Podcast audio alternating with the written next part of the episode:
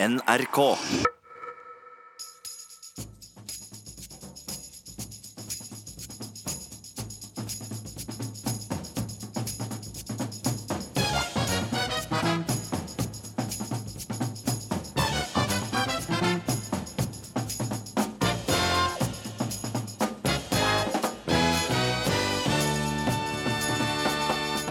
Norge har fått sin første kvinnelige utenriksminister. Gratulerer med siste skanse, men dere har aldri vært først, sier Arbeiderpartiets Anniken Huitfeldt. Kjærester bør få fri tilgang til hverandres telefoner, foreslår psykolog Frode Tuen, og hisser på seg en haug av folk. Nei, ikke alt mitt er ditt, svarer en av dem, psykolog Peder Kjøs. Og kritikk mot de syklene har vært en no go zone, men vi må ta debatten om elsykkeltullingene, mener redaktør. Elsykkel er å ha medvind i livet, svarer entusiast. Det er det elsykkelen er. Du gleder deg til livets oppoverbakker. Du hører på Ukeslutt i NRK P1 og P2, og den som skal følge deg den neste timen, det er meg, Gry Veiby. Men vi starter med ukas store begivenhet. Så skriver vi i dag historie når eh, Ine Marie Eriksen Søreide utnevnes til utenriksminister. Ine blir den første kvinnelige utenriksministeren. Det er flott. Vi holder nå på med et større historieprosjekt å finne ut om hvor mange andre land som har hatt den situasjonen vi har nå. Der er noen. Filippinene har også tidligere hatt kvinnelig statsminister, utenriksminister og finansminister. Vi har nå funnet fem dager i Liberias historie hvor det samme skulle være. Pluss Sveits. Så vi er ikke det første i verden som har det. Men eh, det er en historie, og en viktig historieskriving for Norge som nasjon. Viktig historie for Norge som nasjon, sa altså statsminister Erna Solberg. For aldri før har en kvinne inntatt det største kontoret i Utenriksdepartementets lokaler i Victoria terrasse. Og utenriksminister Ine Eriksen Søreide, gratulerer. Tusen takk. Samtidig som denne utnevnelsen er historisk i norsk sammenheng, var Solberg rask med å understreke at du ikke har fått jobben fordi du er kvinne, og det var også noe du sa gang på gang på eh, intervjuer i går. Er du lei av at du, tross, eh, på tross av din gode og solide politiske bakgrunn og skussmål fra eh, alle hold, fortsatt får spørsmål som dreier seg om at du er kvinne? Det er ikke så veldig rart at det skjedde i går, siden eh, vi aldri har hatt noen kvinne som utenriksminister før. Eh, samtidig så har jeg jo både sett de kommentarene som kom i går, det Erna sa og det som har kommet i dag, at eh, det de fleste vektlegger er jo at jeg har en lang erfaring både fra Stortinget, bl.a. som leder av Stortingets utenriks- og forsvarskomité og fire år som forsvarsminister, så det virker som det er det de fleste bedømmer. Og så er det selvfølgelig alltid gøy å være den første som gjør noe. Det, det er det. For du skal jo da eh, også treffe statsledere i f.eks. Saudi-Arabia. Der kvinner må ha verge og inntil nylig ikke fikk lov til å kjøre bil. Hvordan blir det?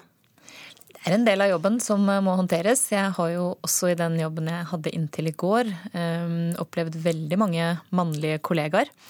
Det går veldig fint. Eh, og jeg har aldri opplevd at det har vært noe problem for eh, måten å eh, håndtere et møte på, f.eks. Men man skal jo være bevisst på at eh, på mange møter er veldig få kvinner i rommet. Eh, og det har jo gjort at eh, en del av oss har blitt ganske gode venner etter hvert. F.eks. de relativt få kvinnelige forsvarsministrene som finnes. Er det noen statsledere du ikke ser fram til å møte? Nei, jeg har ikke lagd meg noen liste over eh, noen jeg ikke ser fram til å møte. Jeg tenker at det viktige er at eh, jeg og andre medlemmer av regjeringa møter de menneskene som eh, er viktige for Norge og for norske interesser, samtidig som vi også skal møte de vi har noe å kritisere for. Du sa selv at du hadde felt noen tårer fredag morgen, og det var jo da fordi at du hadde forlatt embetsverket i Forsvarsdepartementet. Nå, over et døgn etter, hvordan har du feira at du har fått ny jobb? Jeg må ærlig innrømme at i går så tror jeg jeg kan si at jeg grein meg ut av Forsvarsdepartementet. Jeg må si at jeg har hatt fire helt fantastiske år i departementet, og med en forsvarssektor som jeg er fryktelig glad i, og et embetsverk som jeg er fryktelig glad i, og som er utrolig kompetente. Men så kommer det også tid for forandring, og den kom i går. Etter eh, de siste intervjuene i går, etter Dagsnytt 18 og Dagsrevyen og noen intervjuer til, så Eh, må jeg nok eh, si som sant er at jeg var ganske utlada. Jeg dro hjem og hadde med meg 17 blomsterbuketter som jeg skulle prøve å finne vaser til. Og i tillegg selvfølgelig mye som skulle ryddes og ordnes, men det blei egentlig veldig rolig med ullsokker, taco, et halvt glass vin, og så tror jeg sovna. Tacofeiring, rett og slett. Ja, det er takk for det, da. Utenriksminister i Norge har tradisjon for å ikke svare tydelig på spørsmål om Kina og menneskerettigheter. Nå skal vi sjekke hvor god du er på det. Kommer du til å ta opp Kinas menneskerettighetsbrudd offentlig? Ja, det det er, jo en helt naturlig del av det vi nå kan gjøre. Etter seks år hvor det ikke har vært mulig å ha en dialog med Kina, så inngår også nå menneskerettigheter eh, i den eh, dialogen vi kan og skal ha med Kina. Og Kommer du til å ta det opp offentlig? Ja, Det er jo naturlig å ta det opp offentlig hvis man først tar det opp med kineserne. Så det er ikke bare i lukkede rom at du kommer til å ta opp menneskerettighetene i Kina? Nei, så lenge vi har en arena for å i det hele tatt diskutere både menneskerettigheter og andre viktige spørsmål for Norge med Kina, så er det viktig. Men det er jo også helt avgjørende å understreke at vi har en, et forhold til og en dialog med Kina nå som er viktig å utvikle på veldig mange andre områder, som f.eks. handel og miljø, der Kina er en helt avgjørende internasjonal aktør. Takk for at du var med i Ukeslutt, utenriksminister Ine Eriksen Søreide. Med gårsdagens nøkkeloverrekkelsere fra Børge Brende til Ine Eriksen Søreide er det altså kvinner i de mest prestisjetunge postene i regjeringa. Leder av Arbeiderpartiets kvinnenettverk, Anniken Huitfeldt, dere på venstresida sier ofte at regjeringa setter likestillinga i revers. Nå er både statsminister, finansminister og utenriksminister kvinne. Hva sier dere i dag? Gratulerer til Norges eh, aller første kvinnelige utenriksminister. Og det er en skanse som er brutt. Og vi har jo ligget langt etter i Norge på dette feltet. Altså USA har hatt tre kvinnelige utenriksministre, men det må også gå så mange år før vi fikk det i Norge. Så det er en gledens dag. Er det litt irriterende at det er høyresida som skrev historie? Det var først og fremst irriterende at vi tapte valget. Men når vi tapte valget, så unner jeg Ine Marie Eriksen Søreide å bli utenriksminister, for hun er den beste fra den siden. Leder i Høyres kvinneforum, Tina Bru, Ine Eriksen Søreide har 37 mannlige forgjengere. Hvorfor har det ikke vært kvinnelige utenriksministre før henne? Hva er din forklaring på det? Nei, det har ikke jeg noen forklaring på. Det er et godt spørsmål. Men uh, det var virkelig på tide. Altså, det er egentlig litt sånn uh, på en måte er det litt trist at det har tatt så lang tid å få til det. Jeg er veldig glad for at vi nå kan markere denne dagen, og jeg er veldig, veldig stolt av det. Jeg er stolt av at den første utenriks, kvinnelige utenriksministeren kommer fra Høyre. Men jeg syns kanskje at det har vært litt vel mye fokus på at Ine Marie Eriksen Søreide er kvinne. Um, og jeg har veldig lyst til å si at det er jo ikke et eksempel på regjeringens likestillingspolitikk at hun nå har blitt utenriksminister. Det er ikke derfor hun har fått den jobben. Ja, Du sier at det har blitt veldig mye fokus på det. Aftenposten skriver at dersom Søreide hadde fått en hundrelapp for hver gang hun fikk høre Norges første kvinnelige utenriksminister, ville hun eh, vært rik nå. Annike Huitfeldt, betyr ikke det at eh, bare det at vi snakker om det, at dette er så historisk at vi ikke har kommet så langt? Ja, Det er jeg enig i. Og Det er jo den type spørsmål som kvinner ofte får når man blir nyutnevnt. Det første spørsmålet jeg fikk da jeg ble statsråd, var hvordan skal dette gå med tre små barn? Mm. Det første spørsmålet Sylvi, Sylvi Brustad fikk da hun ble barne- og likestillingsminister, var hvordan skal du klare dette, du som ikke har barn? Og når han ble helseminister noen år etterpå, så var det hvordan skal du klare å være helseminister med et lite barn? Så det er alt det private da som det blir fokus på. Og hvis vi ser på hva Søreide har blitt spurt om, så er det om hun har et venninneforhold til Marit Berger Røsland, mens det aldri er tema f.eks. at Trond Helleland og Børge Brende har vært venner. Så det blir sånn intimiserende hele tiden. Man får intime spørsmål. Og det har vi sett også på kvinnelige statsledere og politikere i andre land, at det blir mer et sånn ukebladintervju som blir tema. Mm. Og nå sitter vi og har denne debatten, men en del av meg lurer også på da, hvis vi hadde vært i motsatt situasjon, hvis vi hadde hatt nå tre menn i de viktigste posisjonene i regjeringen, altså mannlig statsminister, mannlig finansminister og mannlig utenriksminister, ville vi hatt en debatt her nå da om det? En på Twitter mente vi ville sagt da var det gutteklubben grei. Ja, tro, tror vi at vi ville hatt det? Ja, vi hadde hatt, hatt Jeg håper det, men eh, en del av meg tenker at det ville ikke vekket så mye reaksjoner. Men Tina Bru, eh, sammenligna med lokalpolitikken, eh, er kvinner fremdeles underrepresentert. Hvorfor er det sånn, tror du? Jeg tror det er mange ulike årsaker til det, men det er veldig veldig synd. når vi så ved forrige lokalvalg at eh, vi fikk jo svekket kvinneandelen i nesten samtlige kommunestyrer i landet. På tvers av alle partier. Så dette er en utfordring som partiene må ta på alvor. Og vi ser jo fortsatt det at det er kvinner og de med utenlandske navn som strykes mest i forbindelse med, med valg på mm. lokalt nivå. Og dette er en utfordring. Og jeg tror at politikken er heller ikke alltid tilpasset kvinner. Det, det som, som Anniken er inne på, altså de spørsmålene du får. Du får mye spørsmål som gir deg dårlig samvittighet for at du prioriterer å drive med politikk istedenfor å være hjemme med barn. Og hvordan er det for barna dine? Eh, og jeg har jo en en ny kollega av meg nå på Stortinget fra mitt parti, Margaret Hagerup, som har skrevet en kronikk på NRK Ytring nå om alle de spørsmålene og kommentarene hun har fått, som sikkert er velmente, men som, som avslører at det er en slags forventning til at dette blir veldig krevende og ikke er så, så hyggelig for barna hennes, og at hun må ha en utrolig snill mann som gjør det mulig for henne å reise til Stortinget. Ja, for Barna hennes får spørsmål om hvorfor er mamma alltid på møter. Mm. Er det noe du også opplevde, Huitfeldt? Ja, det er klart at det er eh, et sånn sosialt press for det hele tiden blir stilt spørsmål ved om jeg er en god mamma mm. fordi jeg driver med politikk. Mm. Og så kan man si at ja, det hever jeg meg over. Men det er de spørsmålene som du kanskje tar deg mest nær av. Mm. Når alt kommer til alt. Men det at det er færre kvinner i lokalpolitikken, det er 20% kvinnelige ordførere. Og da jeg fortalte dette Gro Harlem Brundtland, så trodde nesten ikke på meg. Mm. Er det så ille fortsatt? Mm. Og da gjorde vi det i Arbeiderpartiet at vi jobba systematisk med det i forrige valg. Og det vi så, var at det var ofte forhandlinger mellom partiene som egentlig var gutta som kjente hverandre fra før. Og jeg ga samtlige toppkandidater fra Arbeiderpartiet beskjed om at eh, si at det, det, er viktigst at du blir ordfører. For veldig mange solgte bort sin egen ordførerposisjon for at partiet skulle ta andre posisjoner i lokalpolitikken. Så det vi ofte ser, er at kvinner blir forhandla bort. Og så er jeg uenig med Høyre på et punkt. da. Det er at de skal gjeninnføre anledningen til å stryke ved lokalvalg. Jeg er fullt og helt for det ved stortingsvalg. Gjerne stryk meg. Eh, men det er fantastisk at noen stiller opp i, i lokalpolitikken. Og da syns jeg at vi liksom ydmyker de litt når vi gir anledning til å stryke. Vi skal heller gi kryss til de vi heier ekstra på. Men du har tidligere kritisert gubbeveldet i eget parti. Hvordan er det der nå? Ja, jeg har gjort det da jeg var yngre jente. Mm. Det er 15 år siden Jeg brukte ikke de ordene og sa at det var et gubbevelde, men jeg sa at eh, det var vanskelig å komme seg fram. Og det som jeg kritiserer nå i alle partier, og hvis jeg ser på media og også andre samfunnsposisjoner, er at det er ganske lett for jenter å komme seg fram sånn i 20-åra. Mm. Du er ung og frisk, og du kommer fram. Og så holder du på en måte gjennom 30-åra, småbarnsfasen. Ellers kommer det en ny kvinne da, og du blir erstatta av et nytt frisk pust. Og på en del samfunnsposisjoner så kan vi faktisk se at menn beholder sin posisjon gjennom å fornye stadig kvinnene under seg. Så én ting er å tenke på de unge kvinnene, men de skal over og få makt og bli tunge politikere.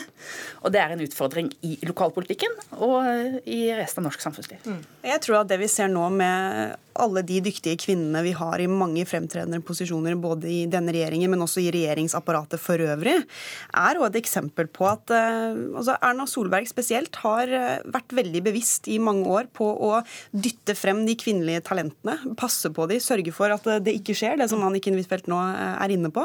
Og det tror jeg er så avgjørende. Altså Jeg selv er jo et eksempel på en som har fått mange muligheter, til tross for at jeg er ganske fersk i rikspolitikken. Jeg har bare fire år på Stortinget bak meg, men har fått muligheter og tatt de. Og det er jo selvfølgelig avgjørende. At du faktisk eh, at du dytter frem kvinnene dine. Da, at du gir dem makt og mm. bruker de posisjoner hvor de får en eh, viktig rolle. Men Hvilken symboleffekt har det nå da at det er tre i de prestisjefylte eh, rollene som er kvinner? Det er selvfølgelig en kjempestor symboleffekt på det, og det gjør noe med hele altså hele måten vi ser på dette på. altså tenker på Unge mennesker i dag som leser avisen eller ser på TV. Selvfølgelig har det en betydning at du ser at hver gang det er store, viktige spørsmål som blir diskutert, så er det en kvinne i den posisjonen som skal diskutere det. Mm. Fordi vi sliter fortsatt med veldig mye sånn underbevisste fordommer og stereotyper som bare former oss som vi ikke er klar over engang. Mm. Og det mener jeg mye av det som, som var reaksjonen i går etter at, eh, at Søreide ble, ble, utenriksminister, er et eksempel på. Altså det spørsmålet hun fikk i TV 2 bl.a. om at eh, ja, nå blir det litt tid til venninneprat fordi at hun og EØS-ministeren begge to er kvinner. Jeg tror ikke det var vondt ment, men det sier bare noe om hvordan vi, vi tenker, da. Og det er mye å gjøre der fortsatt. Først og fremst betyr det noe internasjonalt. Mm. Fordi at Norge har en sterk likestillingsstemme. Og når vi ser nå i mange land at abortrettigheter, kvinners rettigheter, er under press, så har det en stor betydning at vi får en kvinnelig utenriksminister som kan fronte disse sakene. Takk for at dere var med i Ukeslutt, Tina Bru og Anniken Huitfeldt. Snart får du høre. Flere av mine venninner skulle gjerne sjekke kjærestens telefon, men har ikke PIN-koden, sier Paradise Hotel-vinner Martine Lunde. Hun har full tilgang til typens telefon, og han til hennes man liksom sitter der skikkelig ivrig og taster, liksom, så kan man bare si sånn Hvem snakker du med? Hvis ja. man får et veldig negativt svar, da, da hadde jeg virkelig begynt å lure. Da hadde jeg vurdert det forholdet. Se for deg at du kommer ut av dusjen og finner kjæresten din lett henslengt på sofaen med din mobil i hånda. Der går han gjennom meldingene dine. Han ser på bildene du har, og kanskje gjør han også et lite sveip innom anropsloggen. Det er et sunt prinsipp at eh, partnere bør ha gjensidig tilgang til hverandres telefoner, skrev samlivsspaltist og professor i psykologi Frode Tuen i Aftenposten. Den debatten skal vi ta snart, men først skal vi et, møte et ektepar, et kjærestepar, som har lest hverandres meldinger. Det der jenta når du spurte bruker du highlight, og hun bare Ja, på siste Instagram-bildet mitt hadde jeg det på puppene. Det var sånn OK. ja, stemmer.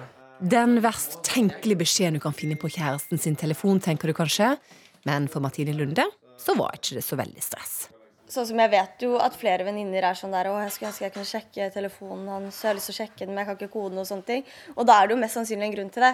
Man merker, for De hadde i hvert fall veldig godt merka på Alex om han hadde prøvd å skjule noe, for at han er verdens dårligste til å lyve. Verdens dårligste løgner Alexander Sæterstøl, heretter kalla Alex, og kjæresten Martine bor i et ganske folksomt og litt spesielt kollektiv. Rundt om i leiligheten går det nemlig en fyr med filmkamera.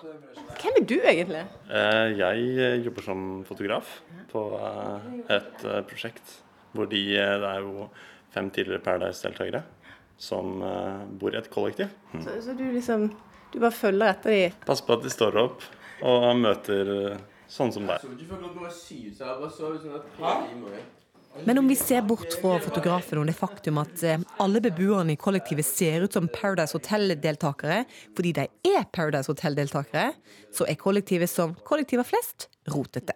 Ja, se her ligger en halv brødskive og en drue på benken med sennep ved siden av, liksom. Martine reiser seg fra en stor, lys, litt eh, sliten sofa og rydder med oppgitt mine. Hun har langt blondt hår og har akkurat sminka seg på do pga. plassmangel på badet. Alex? Alex har akkurat stått opp og tasser rundt uten sokker. Jeg hadde jo ikke gitt telefonen min til Alex. Bare ja, gå gjennom telefonen min og sjekk. Men altså, han kan koden på min telefon, og hvis han sitter på telefonen min, så er det ikke sånn at jeg bryr meg egentlig så veldig mye. Men det er fordi jeg har ikke noe å skjule. Tror du hun har noe å skjule der inne? Nei, det tror jeg ikke.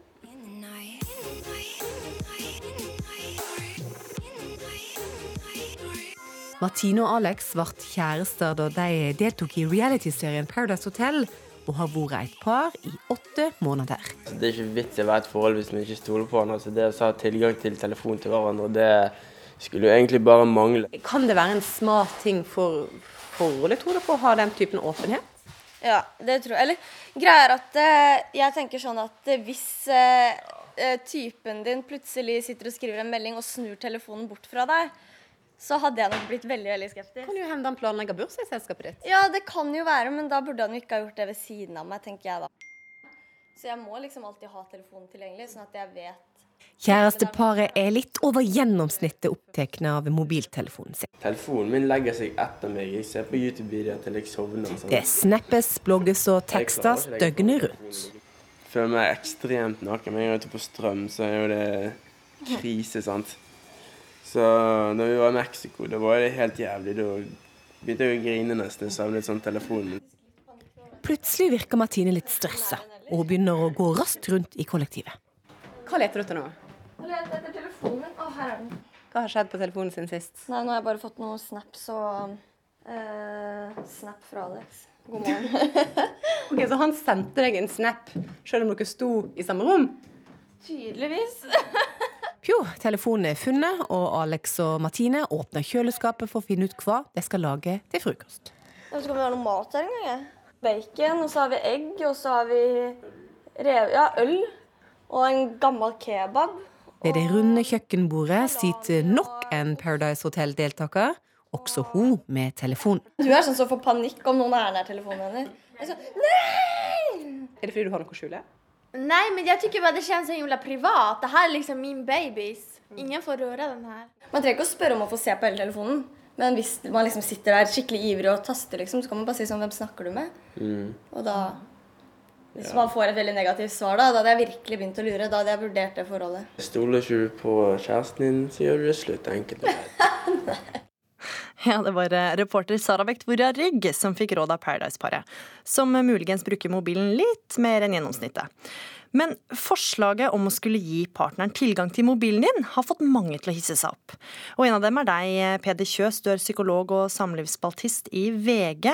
På NRK Ytring skriver du at et par er ikke som siamesiske tvillinger, og at vi trenger et rom for oss selv. Men dersom det er mistanke om at kjæresten din er utro, og det blir litt vel mye tasting på sengekanten, er det ikke da bare bedre å bare gi kjæresten tilgang til mobilen og legge mistanken på hylla? Nei, jeg syns egentlig ikke det, fordi at uh, tillit og uh, visshet da, er jo to forskjellige ting. ikke sant? Og det, hvis, hvis, det er uh, mistillit og, og, hvis det skulle være et eller annet gærent, da, hvis det skulle være noe feil i forholdet, så er ikke løsningen på det å se hverandres mobil, liksom. I beste fall så gir det en falsk trygghet, og i verste fall så gir det en overvåkning. Det er en inngang til overvåkning, da. Mm. Fordi man hvis det skal være sånn at i et sunt forhold så har man lov til å se hverandres mobil, så hvordan skal du da kunne eh, nekte eh, den andre å se mobilen din? Da? Og det kan jo være mange grunner til at man har lyst til å ha ting for seg sjøl. Mm. Professor i psykologi og samlivsbaltist i Aftenposten, Frode Tuen. Tillit er jo et viktig ingrediens i et bra forhold. Hvorfor skal man gi kjæresten tilgang til mobilen? Altså jeg tenker at, altså Det som er mitt poeng, i hvert fall, er at at i ethvert godt, trygt forhold så er, så er det preget av åpenhet og ærlighet og tillit. Det er sånne generelle prinsipper som jeg tror de aller fleste vil være enige om.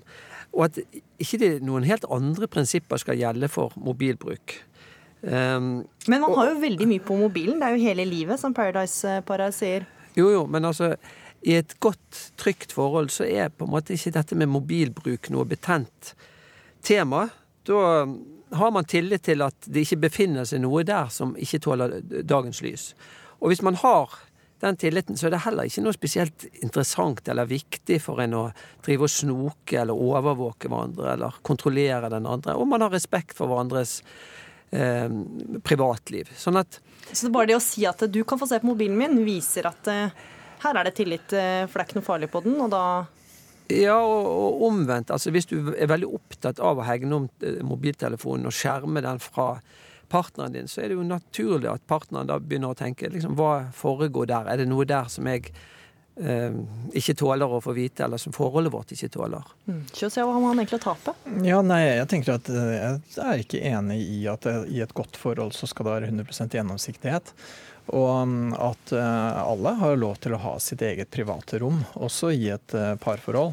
Og i et godt og sunt parforhold så respekterer man hverandres uh, mulighet til å ha private både tanker og følelser og notater og venner og kontakter som den andre ikke har noe med, rett og slett. Så, så jeg er ikke enig i at uh, hvis vi har et godt forhold, så skal du vite absolutt alt om meg. Det, det er rett og slett ganske fundamentalt uenig i. Men det er jo ikke det jeg sier. Jeg sier jo ikke at man skal dele alle tankene sine. Men hvis det er slik at det blir et veldig viktig anliggende å holde den andre borte fra mobilen, så vil det kunne gi opphav til utrygghet og mistanker ja. om hva som foregår. Så du kveler en krangel allerede der, da, ved å bare ja. vise mobilen? Ja, nei, det er også uenig i. at Den usikkerheten uh, som det innebærer at den andre har et privatliv som du ikke har innsyn i, den, uh, den uvissheten må du tåle. Og jeg mener at det er et fundamentalt usunt forhold hvis det er sånn at du skal gjøre meg trygg. Du har ansvar for mine følelser. Hvis jeg Eh, er litt usikker og litt redd og litt engstelig, så skal du gjøre meg trygg ved å vise eh, ditt undertøy og din dagbok til meg. Jeg syns det er skikkelig usunt. Frode Thun, altså, hvordan skal det foregå i praksis? Skal man ha liksom, her er vi en halvtime en gang i uka? Her er min PIN-kode, her er mine meldinger, vær så god, nå kan du se på det? Nei, på ingen måte. Jeg tenker at, Som jeg sa, som jeg sa altså, i et trygt forhold så er ikke dette noe stort poeng i hele tatt. Uh, og hvis det er en situasjon hvor den ene ikke har en telefon, og man da ber om å få låne den andres for å en, uh, og, og, ringe til noen eller sende en tekstmelding og sånt, hvis man da blir møtt med at nei, du kan ikke låne min telefon, for den er hemmelig, den skal ikke du ha innblikk i, der skaper man en, en utrygghet. Og det man, det man trenger i et parforhold, det er jo også finne ut ok, det, hvilke regler skal vi ha i, et, et forhold, i vårt forhold i forhold til mobilbruk. Er det sånn at jeg absolutt ikke har tilgang på det som forekommer på din mobil, eller kan jeg, hvis det, situasjonen tilsier det, kunne bruke din telefon? Det er jo det det egentlig koker ned til. Mm. Problemet med å gi det som et råd, er at det blir jo brukt. Og det der Både du og jeg har jo hatt mange par, og vi har jo vel alle møtt den der med å nei, jeg må bare låne mobilen din fordi at min er tom for strøm. Jeg skal bare sjekke VG. Og så er det ikke det man gjør. ikke sant? Og at det blir brukt som en sånn manipulasjon, det der. Og at det blir brukt i en usunn overvåkning. Også det der liksom praktiske hensynet, da.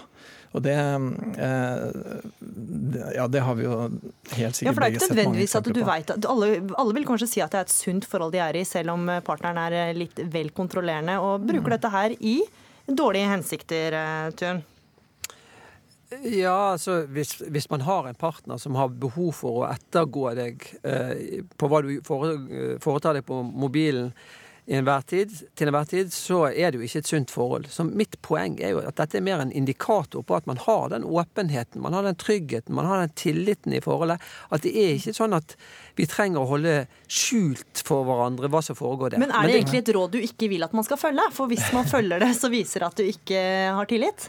Det er ikke først og fremst et råd, det er først og fremst en, en refleksjon over hva som er en sunn holdning i et forhold. Og hvis man ikke har det som et eh, anliggende at her skal vi holde hverandres eh, mobiler skjult for hverandre, så er det et uttrykk for at man har det ganske trygt i forholdet. I hvert fall i forhold til det som handler om hemmeligheter. Ja, ja ingenting å skjule, Kjøs. Ja, og det syns jeg ikke nødvendigvis. Det, det, at man ikke skal ha noen ting å skjule, det at man skal være 100 gjennomsiktig, det er ikke et sunt utgangspunkt for et eh, parforhold eller for et virksomhetsforhold, mener jeg. Det er litt samme som på en arbeidsplass at uh, sjefen uh, Nei, jeg skal ikke, jeg skal ikke lese jobbmelden jobbmailen din, men jeg kan gjøre det. Eh, da får du en sånn type, du får en sånn type panoptikon-situasjon hvor du eh, kan bli sett når som helst, og det skal få deg til å disiplinere deg sjøl. Men gjemmer liksom. du din egen mobil da, for kona di? Nei, jeg gjemmer ikke den. Hun, det vil ikke falle henne inn og spørre om å få se på den, akkurat som jeg overhodet ikke er interessert i å se hennes. Jeg tenker Det hun har gående der, hun trenger å diskutere vårt forhold med sine venninner. Hun har kollegaer som hun har gode forhold til hva som foregår på den kanalen, det vil jeg helst ikke vite. Jeg og jeg regner med at i det øyeblikket det blir noe som jeg burde vite, så enten skjønner jeg det av meg sjøl, eller så får jeg vite det på en eller annen måte. For Tun, her er det jo et viktig poeng her, da. Fordi jeg sender jo meldinger til venninnene mine, og så skal det kanskje komme en tredjepart for øre. Så det er jo ikke bare partneren og deg selv det går utover, da? Nei, altså igjen, poenget er at hvis, hvis du har eh, type kommunikasjon, eller du driver med å søke på sider på mobilen som du absolutt ikke vil at partneren eh, skal vite om, så kan du kanskje slette de tingene, da. Sånn at, ikke, sånn at, sånn at ikke det trenger å være et tema at, at man for enhver pris skal holde partneren borte fra mobilen. Det er noe helt annet enn å si at her kan du bare komme inn og, og, og se hva du vil. Det er jo en helt annen situasjon. Og de, aller fleste, vil, og de aller fleste vil jo heller ikke ha behov for det. Men da vil du ikke, da vil du ikke bidra til noe tillit likevel. Er, ja ja, bare se du, jeg har sett alt du ville ha sett uansett. Så det er, liksom, det er jo ikke noe tillit til det. det jo, men Poenget er at, at, hvis den enkelte har, tar ansvar for at det ligger ikke noe her som kan være kompromitterende i forhold til forholdet vårt, mm. så er det den enkelte som har ansvar for å rydde opp, istedenfor at man skal skape en utrygghet, som dessverre ofte skjer fordi at man verner veldig mye om mobilen overfor partneren sin. Der fikk du siste ord, Frode Thun. Takk for at du var med. Takk også til deg, Peder Kjøss. Du hører på Ukeslutt. Fortsett med det også den neste halvtimen, der du får høre at eh, regjeringa kutter all støtte til frivillig dyrevern.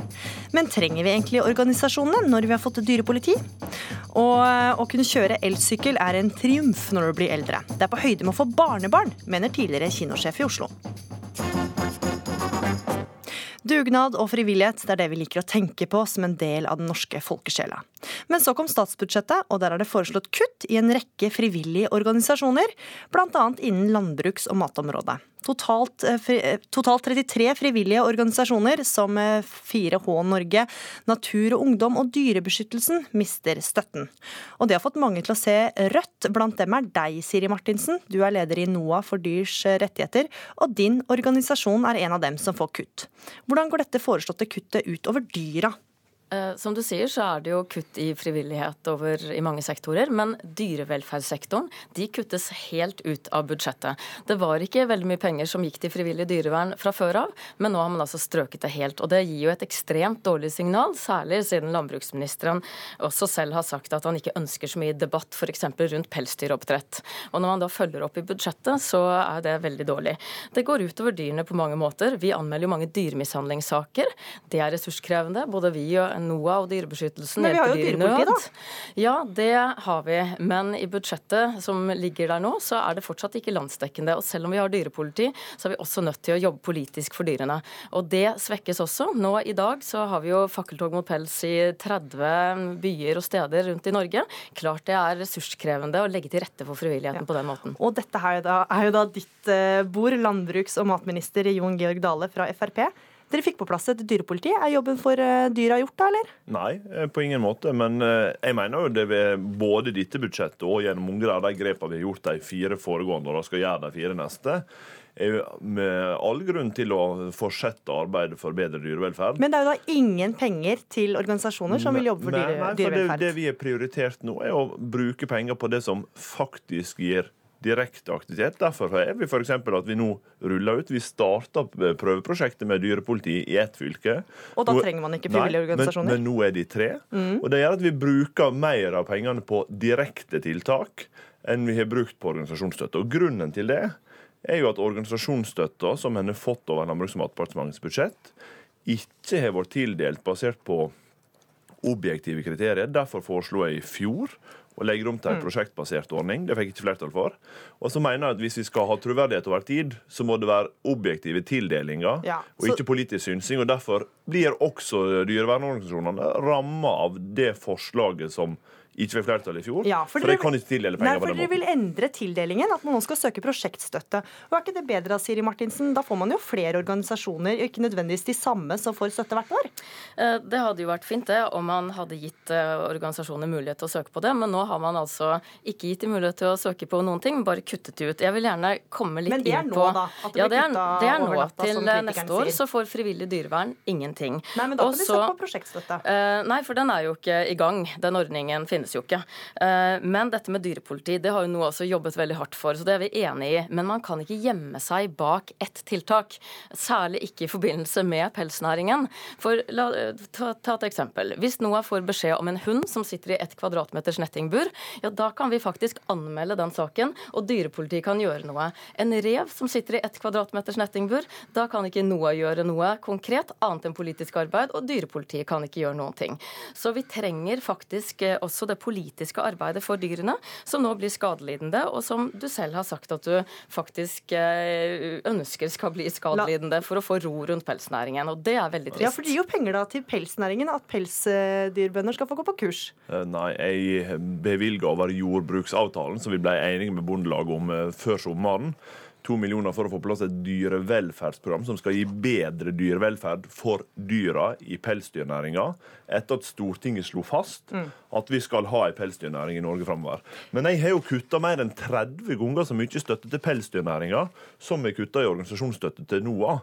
Sånn at hvis, hvis det var opptatt av pengebruken her, så har altså pelsdyrnæringa opplevd mer enn 30 ganger så stort økonomisk kutt som NOAH nå gjør det. Og det skulle en jo da tro at eh, i hvert fall balanserte for minst, sammenligne her da, minst det Martinsen. omfanget. Eh, Ja, Vi har jo eh, også pushet på dere for å gjøre det, og det står i partiprogrammet til Frp at eh, pelsnæringen ikke skal få subsidier. Så det dere har gjort tidligere er bra, men det dere gjør nå, det er å gi to millioner til eh, at pelsfarmerne skal få gå på kurs for å kunne ha flere mink i buret og tjene mer penger. Og når du da sier at det er noe dyrene nyter godt av, så er jo det feil, fordi ingen dyr nyter godt av å være eh, tre eller fire i buret, eller å sitte i buret i det hele tatt. pelsdyr. Du skal få svare kjapt på på, på dette, fordi at Jeg foreslo forbud mot gruppehold i pelsdyrnæringa. Det vet jeg jo at mange som er for å avvikle pelsdyrnæringa, mener en god subsidiær posisjon hvis en likevel skal ha pelsdyrnæringa. Fikk ikke flertall. Da må det jo være viktig også for de som sier at de er opptatt av dyrevelferd, at vi faktisk skulerer folk som dyrevelferda for de blir bedre. Det er det politiske landskapet vi har å operere i. Så må NOAH gjerne være uenig i at vi skal ha pelsdyrnæring Blir i Norge. Men Du ser litt oppgitt ut. Eh, Syns du Martinsen aldri blir fornøyd, eller? Nei, altså, ja, det, det tror jeg ikke hun blir før norsk pelsdyrhold er avvikla. Det er ikke det flertall for på Stortinget. Og det er for så vidt en grei sak. Men at en da er mot tiltak som bedrer dyrevelferda i pelsdyrnæringa, det syns jeg er veldig rart fra en organisasjon som profilerer seg som eh, opptatt Du av skal få dyrevelferd. veldig kort svar på det. Vi er imot at pelsnæringen skal få tilskudd for å tjene mer penger. De to millionene Nei. kan bli brukt mye bedre på frivillig dyrevern. F.eks. organisasjoner som dere, mener du da. Men tilbake til frivilligheten. Mm. Statsminister Erna Solberg har gang på gang snakka mye om eh, viktigheten av frivillighet. Og dette er da organisasjoner som eh, bidrar til mye frivillighet. Mange vil jo da mene at dere struper dugnadsånden da, ved å kutte i støtten til frivillige organisasjoner. Jeg er jo helt enig med Erna Solberg i at eh, frivillige organisasjoner gjør veldig mye godt. I fjor foreslo jeg for Stortinget å legge om ordninga som vi har hatt i inneværende år, til en prosjektbasert støtteordning. Ja, At man skal søke om prosjekt. Ja. Ja. Det fikk ikke flertall for. Mm. Men, og det gjør at den ordninga som Stortinget har sagt at departementet i dag skal ha, den altså inneholder ikke objektive kriterier for tildeling. Det betyr at det er politisk synsing hva slags organisasjoner som får støtte, hva slags organisasjoner som ikke gjør det. Det syns jeg ikke er en tilfredsstillende måte å tildele offentlige penger på. Og det gjør at når Stortinget da sa at, i fjor at de må legge igjen pengene, ville ikke ha prosjektbasert ordning, så utfordrer jeg stortingsflertallet igjen på det i år. Fordi at Det er vel og bra å ville støtte opp under frivilligheten, men da må vi lage ordninger som har objektive kriterier for tildeling, og ikke ha ordninger der Ikke bli politisk styrt, som mange av organisasjonene i dag og- eh, og- og er avhengig av hvem som sitter og og derfor- styrer for å få mener jeg at det vi foreslår nå er veldig ryddig. Og så mener jeg at hvis Stortinget nå gjør andre vurderinger enn regjeringa gjør på dette, så får vi ta en diskusjon knytta til det. Eh, Jeg har ikke noe imot å gi støtte til eh, eh, frivillige organisasjoner, men det må skje på objektive kriterier, slik at alle opplever at de har likt grunnlag for å få den, Mm. og ikke at det blir politiske tildelinger etter de vi er mest eller minst enige med. Siri Martinsen, det er mange organisasjoner som jobber for dyrs rettigheter. ikke sant? Det er NOAH, Dyrevernalliansen, Dyrebeskyttelsen, Dyrevern Ung. Kan ikke dette nye systemet her nå gjøre at dere begynner å tenke litt nytt? Kanskje koordinere dere bedre, søke på prosjekter på tvers av organisasjonene? NOAH har kjempet for at det skal bli mer objektive kriterier. For vi var jo nettopp utelatt fra budsjettene i flere år og har kun fått støtte de to siste årene. mm. Fordi man innså at en sånn diskriminering av en stor organisasjon som genererer mye frivillighet, var utidig. Eh, Men eh, man har jo ikke noe alternativ nå. Det man gjør nå, det er jo rett og slett bare å ta vekk støtten. Og så er det jo flott om man da ønsker et nytt system på plass og ønsker at det allikevel skal være mulighet for støtte til frivillig dyrevern i 2018. Men per nå så er det altså ingen slik støtte. Og jeg syns jo at et viktigere prinsipp for regjeringen enn at frivilligheten skal klare seg selv, som du har sagt, det bør jo være at uh, frivilligheten får støtte, men at næringer skal klare seg selv. For det er veldig umusikalsk at de som jobber for uh, å heve dyrs status, ikke skal få penger, mens de som jobber for å utnytte dyr, de får penger av fellesskapet. Men da må jeg bare spørre Jon Georg Dale, for dere får jo kritikk. Eh, Venstre har varsla at de kommer til å ta opp dette i budsjettforhandlingene med regjeringa. Og smålige kutt kaller opposisjonen det. Det er ikke bare egentlig eh, Dreier det seg bare om man har saker dere kan forhandle med Venstre om? At er, her er det lett å Ja, greit, dere, vi skal gi penger til disse organisasjonene igjen hvis vi får lov til å Et Nei. forhandlingskort, rett og slett, i forhandlingene? Nei, det er det ikke. Eh, Men jeg opplever at det er alltid mulig å forhandle med både Venstre og KrF for å finne gode løsninger. Det vil det antagelig være Så kan det at dette blir reversert? Det eh, håper jeg ikke det blir. Eh, Da håper jeg i så tilfelle at vi får en mer prosjektbasert ordning med objektive kriterier for tildeling. Det Det, ja. det vil i så tilfelle være ryddig. Men, men, men den situasjonen vi har hatt, er altså at hvis jeg skulle ha tildelt de pengene i år, Mm. for, altså for 2018 som det var for 2017, så ville det som var grunnlaget for min beslutning, utelukkende vært min synsing rundt hva slags organisasjoner som hadde gjort en god jobb. Det eller ville gjøre en god jobb. Jon Og det, sånn kan eh, ikke vi bruke offentlige penger. Jon Georg Dale, landbruks- og matminister fra Frp, og Siri Martinsen, NOAH for dyrs rettigheter, takk for at dere var med i Ukeslutt. Har du prøvd elsykkel? Nei. Det frister jo litt av og til, da. Motvind over brua og sånn. Kan være litt farlig. Ja, Hvis du får for stor fart, så blir det jo farlig. Det som er det største problemet, som jeg ser, det er at syklister ikke tror de trenger å forholde seg til trafikkreglene. Der er, jeg føler meg mye tryggere i gatene i Berlin. Jeg har også sykla på Fifth Avenue, jeg har sykla opp og ned på Manhattan mange ganger. Jeg føler meg mye tryggere der enn her. folk må jo bare være forsiktige og vise hensyn, tenker jeg. Det blir stadig sagt at elsykler sykler mye raskere enn andre, men elsykler hjelper ikke til mer enn opptil 25 km i timen. Så de som sykler raskest, er jo de som har raske, vanlige sykler. Hvorfor eh, sykler ikke du på elsykkel? Hvorfor sykler jeg på elsykkel? Jeg må jo bruke de kaloriene jeg kan. Ja, det var reporter Johan Mile Laugaland som har snakka med Siddiser. Det er på tide å ta debatten om alle elsykkeltullingene, mener redaktør, som hisser på seg syklist. Men først skal vi få møte en ekte elsykkelentusiast. Å kunne kjøre elsykkel er en jubelglede når du blir eldre. Da kan du glede deg over livets oppoverbakker. Det sier 79 år gamle Ingeborg Moreus Hansen, tidligere kinosjef i Oslo. Men langt fra alle bør sette seg på en eh, slik sykkel, mener hun. Men her er da min sykkel. Og den låser man opp låsen på her.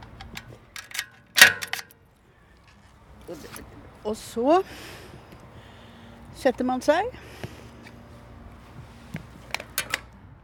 Dette er elsykkelen til Ingeborg Moreus Hansen. Den blå sykkelen med to hjul bak og ett foran gir henne frihet. Frihet til å sykle overalt.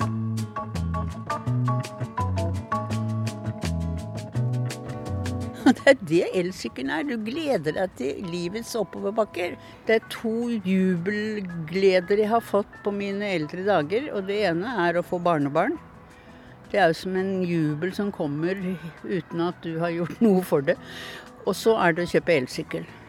Og det å ha elsykkel, har jeg sagt, er som å ha medvind i livet.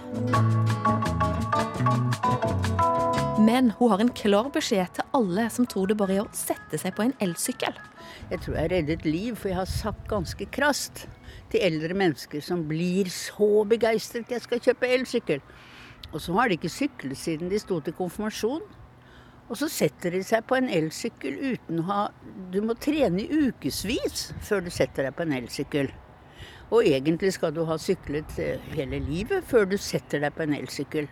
Og når du først sykler, ikke prøv å sette fartsrekord. Det er ikke at du skal sette ny PS og verdensrekord, og du er ikke kledd i kondomdress og uler av gårde som om du var på en velodrom.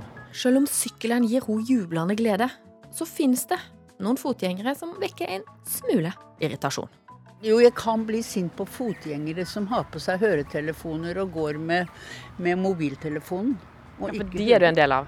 De er, de er sånne råfotgjengere som vi kan godt også herje med, og ikke bare syklister. Det er noen farlige fotgjengere som har på seg og går i sine egne mobiler og tanker, og så har de gjerne en hund med bånd. Livsfarlig. Så de kan jeg bli sint på. Men nå, med denne nye sykkelen hvor jeg ikke behøver å gå av, og har ikke noen balanseproblemer, så bare sitter jeg og venter på at disse tullebukkene har gått forbi. Og reporter her var Ann Kristin Listøl. Bjørn Sæbø, du er sjefredaktør i Rogalands Avis. Du viser fingeren til elsyklister, du. Hvorfor gjør du det? Det har hendt et par ganger eh, ettersom jeg har prøvd å gå til jobb og blitt eh, sneia en gang eller to av eh, elsyklister. Og da har jeg vist fingeren til vedkommende. Uten at det hjelper. Har jo, de har jo ryggen til, så det Det er sånn bare- passiv-aggressiv eh, markering. Ja, at det er greit for å lufte, lufta ut litt frustrasjon. Ja, for du mener at nå er det på tide å ta debatten om alle elsykkeltullingene. Hva slags tullinger er det du har møtt? Eh, Det er ikke bare elsykkeltullingene. Det jeg skrev om i min kommentar forleden dag, var jo både elsykkeltullinger og vanlige sykkeltullinger. Eh, Det går på at eh, elsyklister har kommet inn som en ny gruppe i trafikken, og det skal vi være veldig glad for.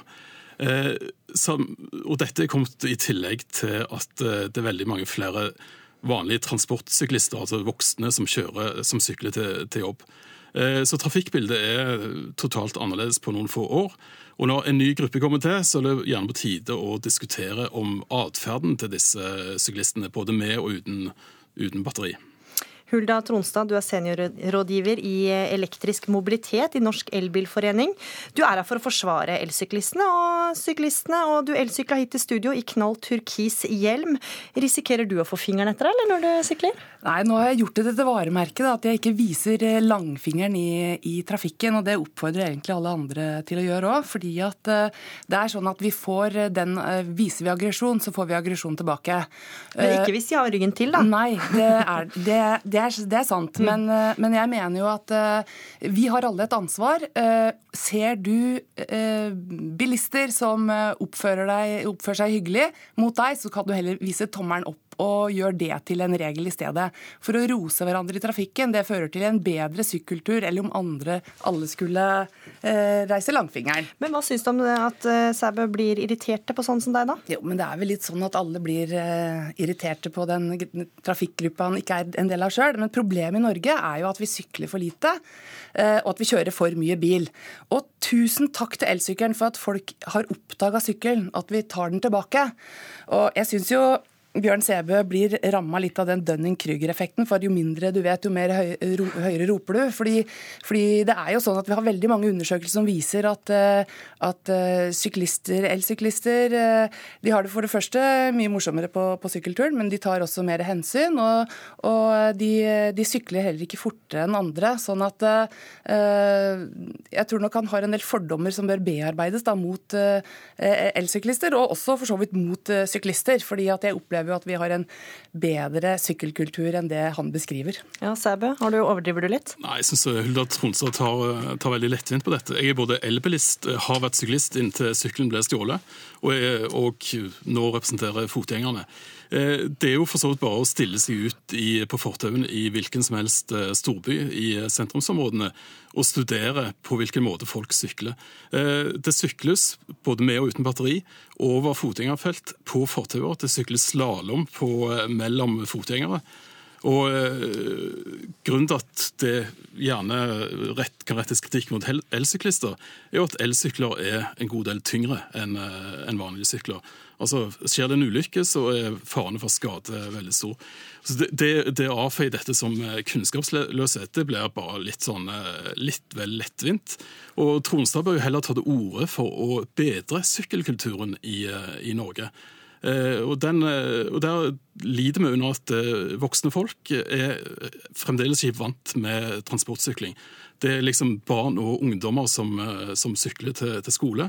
Men når vi er 18-19-20 år og tar, tar førerkort, så setter vi oss gjerne i bil eller tar, tar kollektivtrafikk. Ja, men her, ja, her har den jo helt rett. Altså, vi, vi, sykler jo for lite. Eh, men her igjen er det undersøkelser som viser at eh, jo flere som eh, sykler, jo sikrere blir det for hver enkelt. Fordi at, fordi at vi blir altså, Det er safety in numbers. altså Jo flere vi er, jo sikrere er det for hver enkelt. Men vi er kanskje ikke der enda, da? Det er Nei, kanskje litt farlig å være fotgjenger, og det kommer syklister sneiende forbi deg? Det er et, det er et problem at vi vi har dårlig infrastruktur for sykkel, og er det litt, så stopper det. Og så er det, det er veldig lite Det er vanskelig å ta seg fram eh, på sykkel.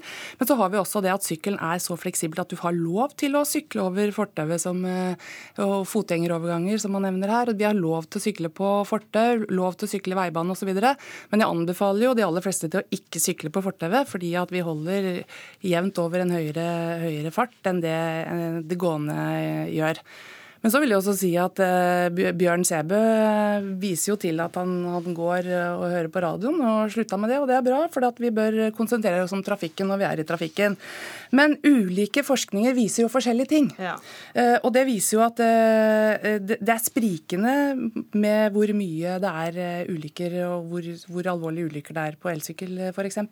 Og så er det et poeng at det er ikke bare eldre som sykler på elsykkel, det er nå hele befolkninger som setter fra seg bilen og begynner å sykle sykle.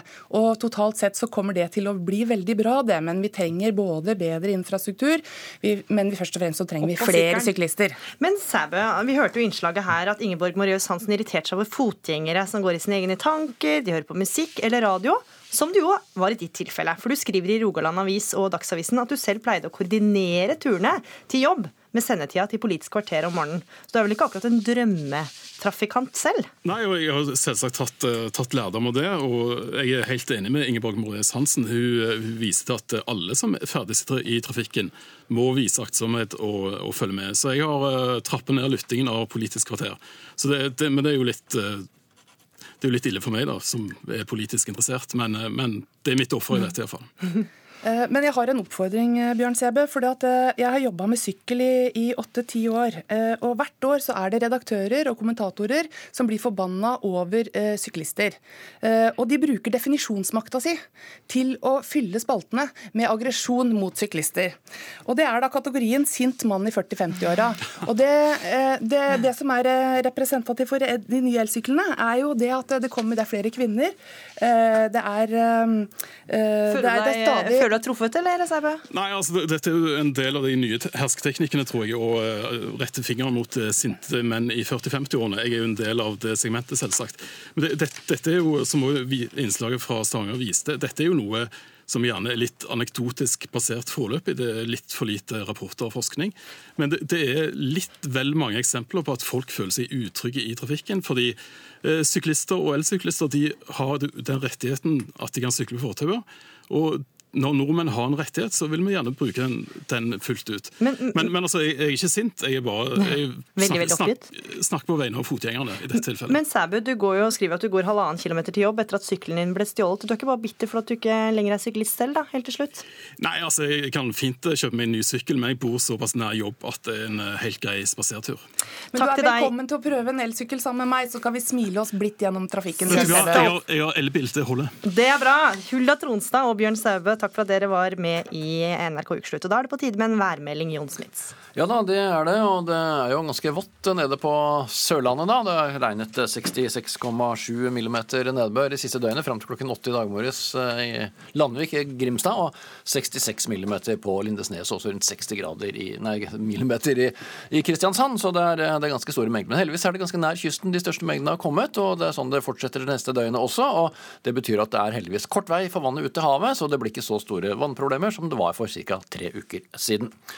Men hvis vi ser på værutsiktene for morgendagen, da, vi kan jo begynne lengst nord, på Spitsbergen, som får oppholdsvær i dag. Økning til sørlig stiv kuling i morgen, sørvest etter hvert, og da kommer det etter hvert fra ettermiddagen regn ifra vest. Noen få byger eh, på kysten i Finnmark, som regnbyger, sludd og snø kanskje litt opp i, i høyden. Og når det gjelder søndag, blir det oppholdsvær og en del sol, men det kan være lokal tåke på vidda nordlig liten kuling på kysten øst i Finnmark eh, så vidt i dag, da. Oppholdsvær, lange perioder med sol i Troms og Nordland og Trøndelag og Møre og Romsdal. Og vi får også oppholdsvær eh, med perioder med sol nord på Vestlandet sør for Stad, men litt regn av og til sør og øst i Rogaland. Og østafjells og i fjellet her blir det nedbør i de sørlige områdene, men under det oppholdsvær i nord. Og østlig stiv kuling utsatte steder og en snøgrense på en sånn 600-800 meter. Og akkurat nå så er det varmest eh, rundt Ålesund, Brusdalsvatn, som har 16,4 grader. Ukeslutt er over for denne gang. Ansvarlig for sendinga var Daniel Eriksen. Det tekniske ansvaret hadde Marianne Myrhol. Og her i studio var Gry Veiby.